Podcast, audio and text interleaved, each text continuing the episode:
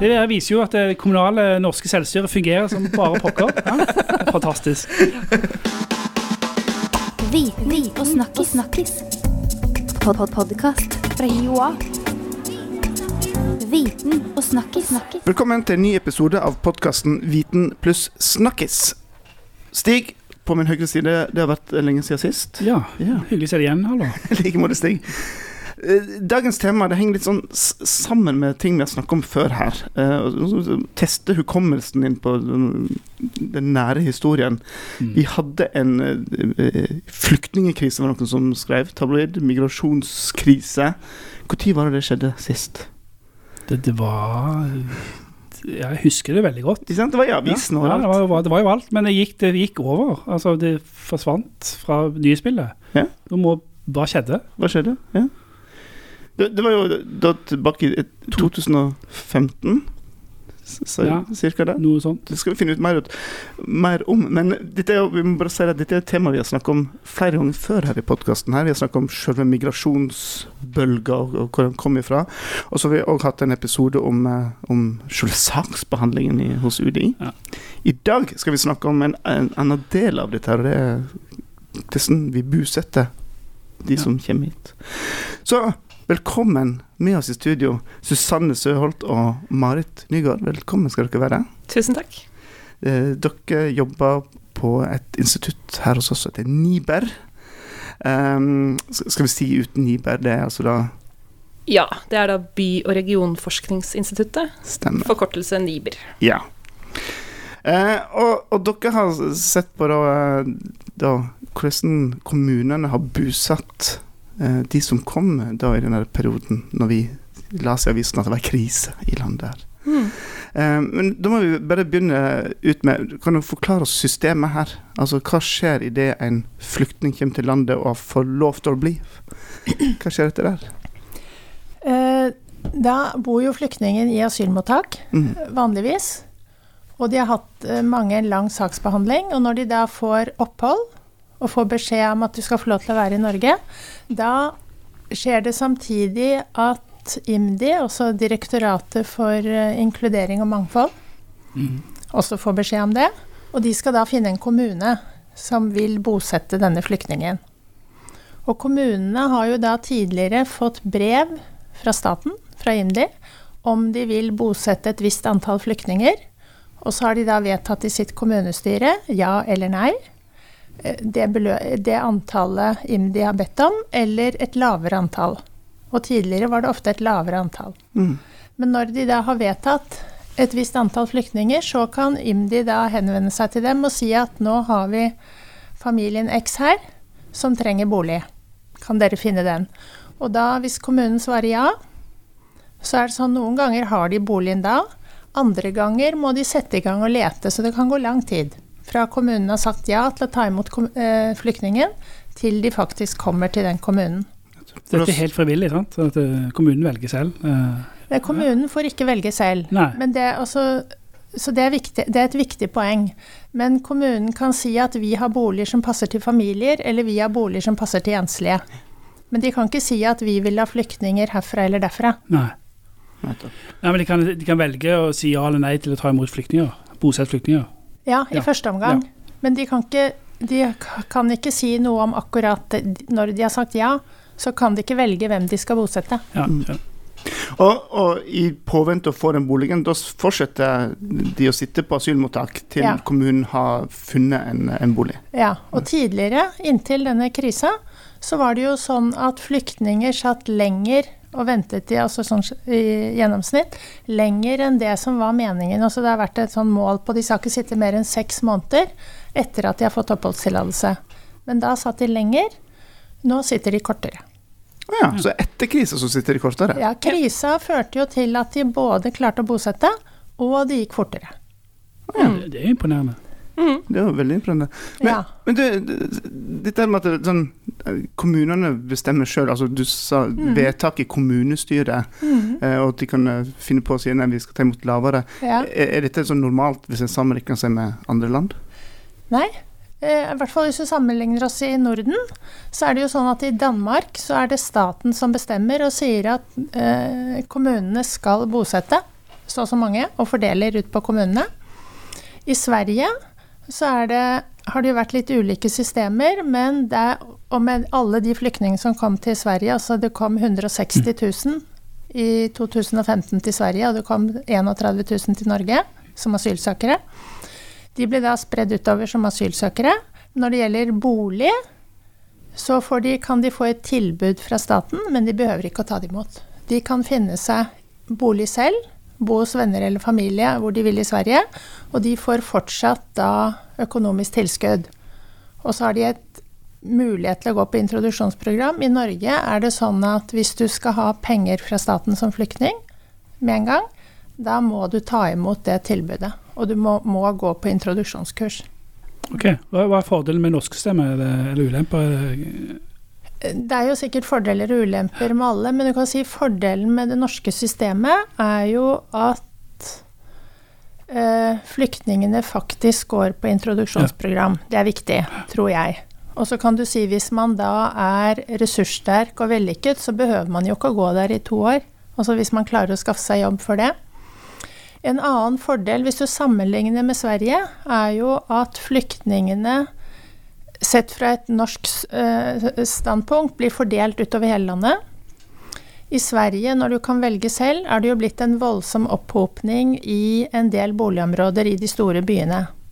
Sånn at vi i Norge så er på en måte den første bosettingen det er den eneste muligheten staten, myndighetene, har til å bestemme hvor flyktninger skal bo. Og det er jo viktig hvis vi ser stort på det, så er det antageligvis viktig for integrering. Mm. Så vi utnytter Distrikts-Norge ja. maksimalt der. Mm. Ja. Og det er jo interessant at Distrikts-Norge er interessert i denne utfordringen. Ja, for, for det er uh, ofte altså veldig mange av de små kommunene som ikke har hatt erfaring med å bosette flyktninger før flyktningkrisen, de har snudd seg rundt og bosatt veldig mange flere enn hva de gjorde før. Så den største økningen har vært i de små kommunene. Altså det er veldig mange små kommuner, og de har bosatt få. Men siden Norge har så veldig mange små kommuner Foreløpig, ja. ja. Så har det blitt, eh, så har det blitt uh, Ja, hvorfor har det blitt sånn?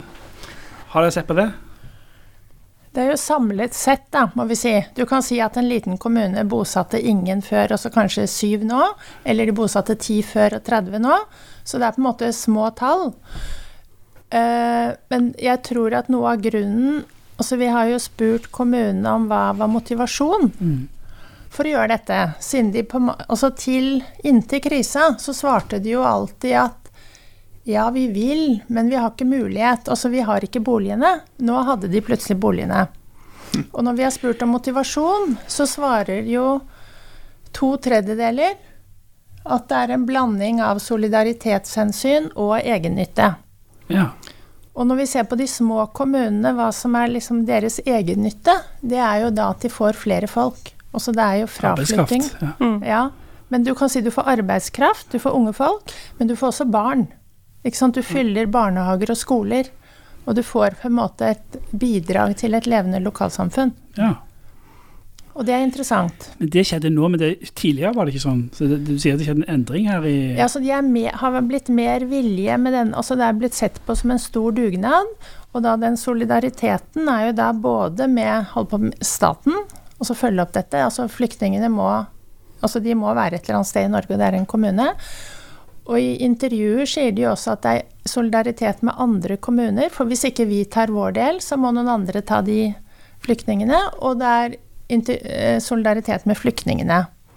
Og så har det kanskje med også den flyktningkrisa, med alt den frivillige innsatsen som var, uh, Refugees Welcome og alt dette som vi hadde, så har det nok også skjedd en, skjedd en endring i holdninger til flyktninger. I generelt i samfunnet? Eller? I samfunnet. Ja, ja. Og kommunene sier jo at nå er det på en måte blitt trendy å bosette flyktninger. Yes. Og det er på en måte noe helt nytt. Og du mm. kan si når de vedtok i den flyktningkrisa at når de vedtok å bosette flyktningene, da var det jo ikke sånn at kommunepolitikerne satt i kommunestyret og visste når vi sier nå 34, så har vi 34 boliger på hånda. Det hadde de ikke. Så det var jo opp til da forvaltningen og de kommuneansatte å finne. Nettopp. Ja, og, og la oss gå inn på det. Altså, kommunen får da beskjed om at hei, nå har vi en familie her. Mm. Hva skjer da? Hvordan organiserer en kommune seg til å, å begynne å de, Som du sier, de sitter jo ikke nødvendigvis på de boligene der. Hva, hva, hva muligheter har de? Um, veldig mange kommuner har økt bruken av det private leiemarkedet i kommunen. Altså, Det er én av måtene som de har fått det til. Og veldig mange av de flyktningene som ankom, ble bosatt i private boliger. Så kommunene har hatt Altså de har jobbet veldig mye med å opparbeide gode relasjoner til private utleiere. De har bygget systemer for å få dette til. De har opprettet en kontaktperson i kommunen med private utleier. De har tilbudt bokurs til flyktningene, sånn at de skal forstå hvordan det er å bo i en norsk bolig med altså norske forhold, med fukt og den type ting. Og, og de har også inform, eh, garantert Altså de har informert om hva som skjer dersom det skulle oppstå problemer mellom leietaker og utleier. Og, og gjennom det så har mange private utleiere og kommunen de har fått eh, god tillit til hverandre. Og, og da har det egentlig vist seg at, eh, at det har fungert godt. Og da har de bosatt flyktninger, og erfaringen har vært god mange steder. Men Dette er noe alle tjener på, da, både de som leier ut boliger og kommunene. Så det er en vinn-vinn-situasjon, eller hva tenker du om det? Ja. Ja. Og du, men så er det vel også du kan si det private leiemarkedet i Norge er jo sånn at det er få profesjonelle utleiere. Nettopp. Det har vi i byene. Ut, ellers er det jo sånne som vi som sitter Mm. rundt bordet her, som har en ekstra bolig. Eh, og da er det noen av oss er avhengig av å få inntekt på den, andre er ikke det. Og da kan du si at hvis du ikke finner rett leietager du har lyst til å leie til, så lar du den stå tom. Mens nå ser det ut som at de som har etterspurt, altså flyktningene, det har vært såpass mye empati rundt det at etterspørselen har utvidet tilbudet. Og det syns jo vi er kjempeinteressant. Skjønte du det? At flere har meldt seg på i og, ja, Ja. Flere vil leie ut rom og Ja. bo Ja, du kan si det at hvis det er eh, Hvis du har en ledig bolig, og så ser du at de som søker på den, ingen av de er du veldig interessert i, så du beholder den. Men så er det sånn at nå er det flyktninger, og det er i hovedsak da Vi har hørt veldig mye om Syria-krigen der. Da er du på en måte positivt innstilt. Så da lukker du opp døra. Men altså, det, jeg er litt sånn kynisk, det, men er ikke dette for godt til å være sant? At norske kommuner har blitt så solidariske med at de nå plutselig nå eh, eh, altså, Vi hører jo stadig om at Norge blir et kaldere samfunn. og de var, Mm. er, er det virkelig sant? Eh, Er, er dette noe de virkelig mener, eller var det noe de sier? Det er ikke godt å si, men du kan si i den pakka som er med å bosette flyktninger, så får jo kommunene penger for hver flyktning de bosetter. Og det er mange tilskudd som følger Altså de får introduksjon Ja. Så det er mange Men det fikk de jo før òg. De fikk jo penger før òg. Ja, Ja. de, men så kan du Ja da, de fikk penger før også. Og tilskuddene blir jo da Altså de økes jo jevnt og trutt, så de blir jo økt eh, rett før dette. Og så får, er det kanskje også mer oppmerksomhet om at altså når du får flere innbyggere, da får du også innbyggertilskudd fra staten. Altså du får, du får liksom ymse tilskudd. Sånn at eh, det er nok gunstig. Men det var jo interessant at det var få kommuner i denne studien som sa at det er for lite penger. Mm. Det var det veldig få som altså at Fordi altså staten har noe som kalles beregningsutvalg, hvor det er staten og en 20 kommuner som hele tiden går gjennom er det nok penger her. Og de sier jo nesten alltid at de tilskuddene dekker rundt 90% så det er liksom 10% egenandel.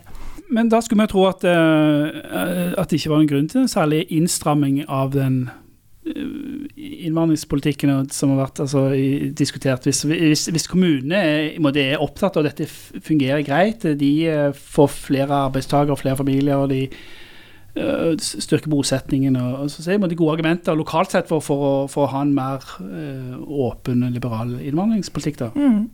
Når de har opprettet et system for å skaffe boliger, så er det noe med at da Da er det noe man kan gjøre.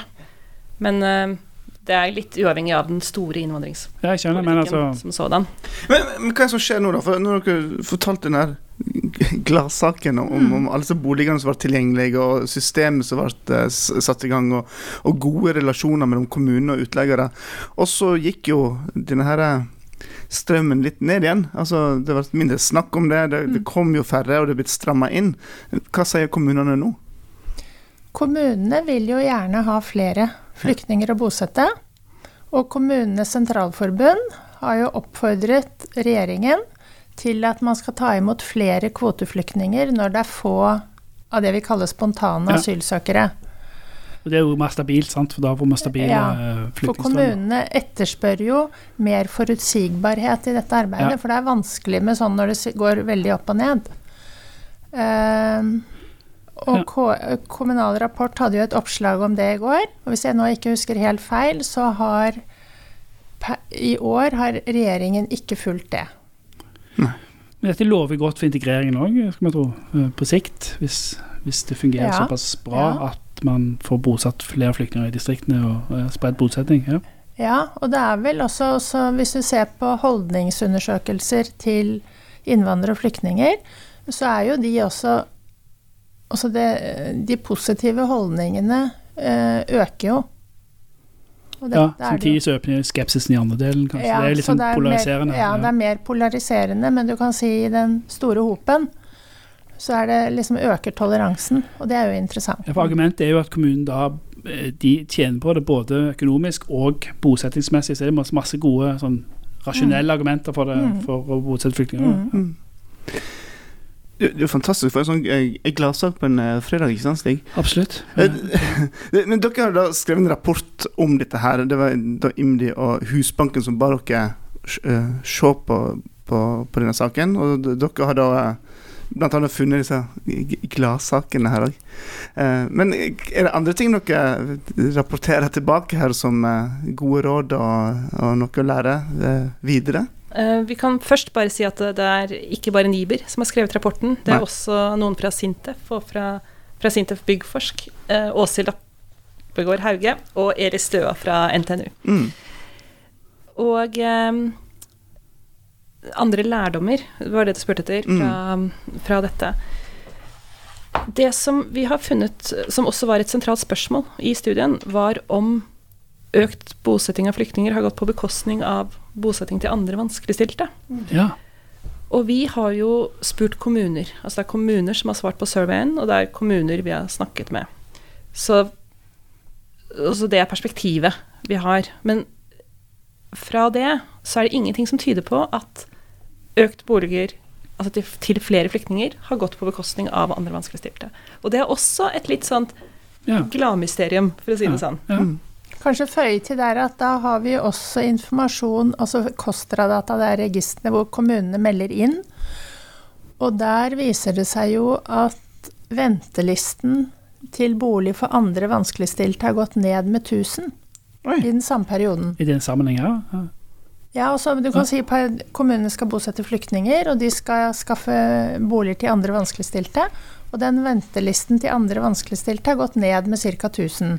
Det er fantastisk. Ja, og så er det et annet, et annet fra en annen studie som er viktig, og det er jo når det gjelder bostedsløse, som Niber har jo ofte Ja. teller opp hvor mange bostedsløse, og det har også gått ned i den perioden. Så dette er, det er egentlig noe vi burde forske på. Hva er det som har skjedd? Ja.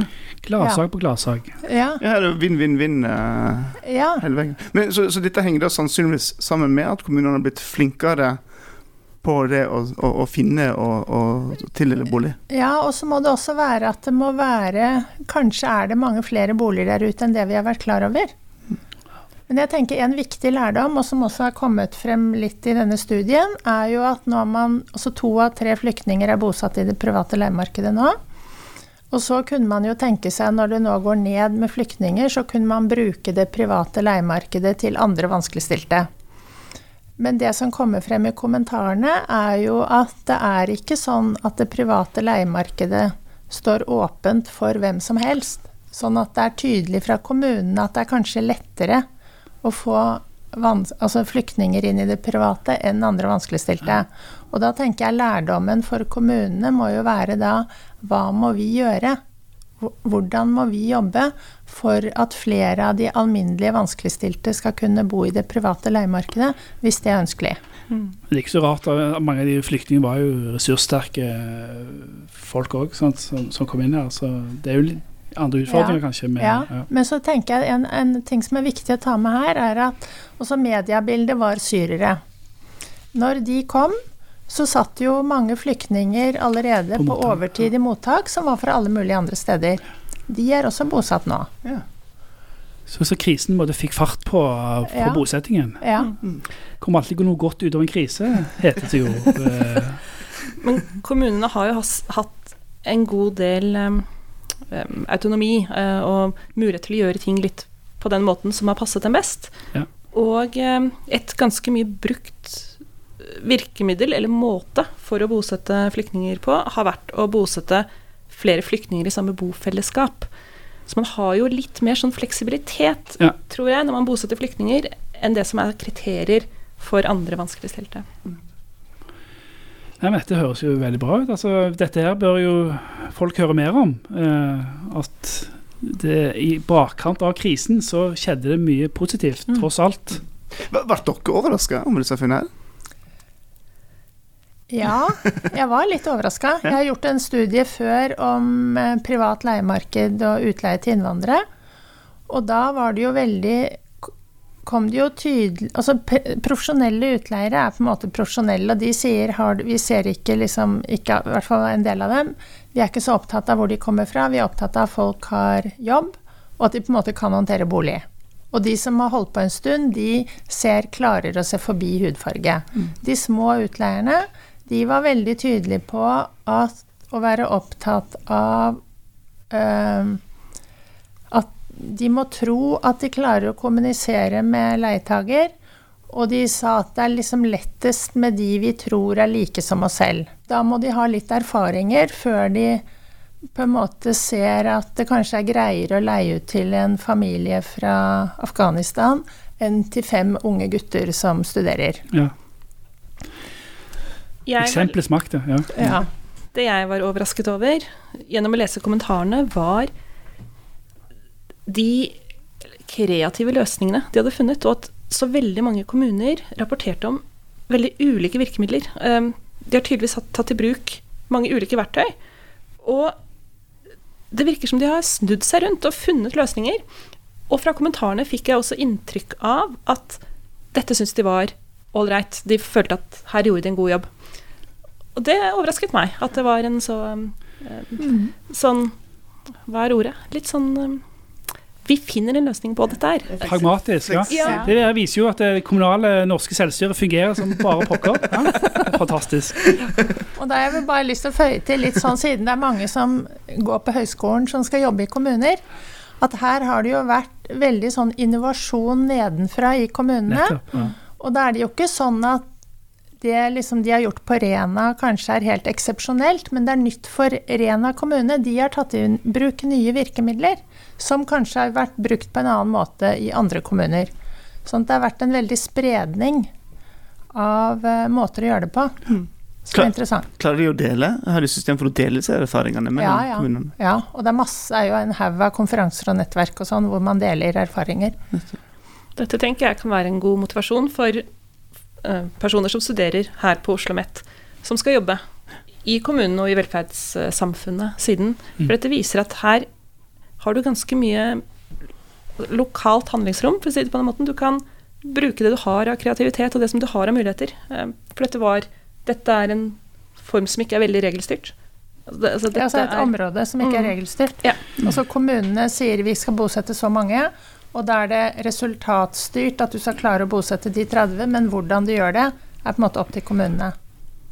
Hvem sa at kommunearbeid var kjedelig? Her er det rom for kreative, pragmatiske arbeidstakere. Altså. Ja. Men Vi snakker mye om, om, eh, om ja, og systemet og, og hvordan en fikk tak i alle disse boligene sånn, i antall. Men hvordan var det med kvaliteten på disse boligene her?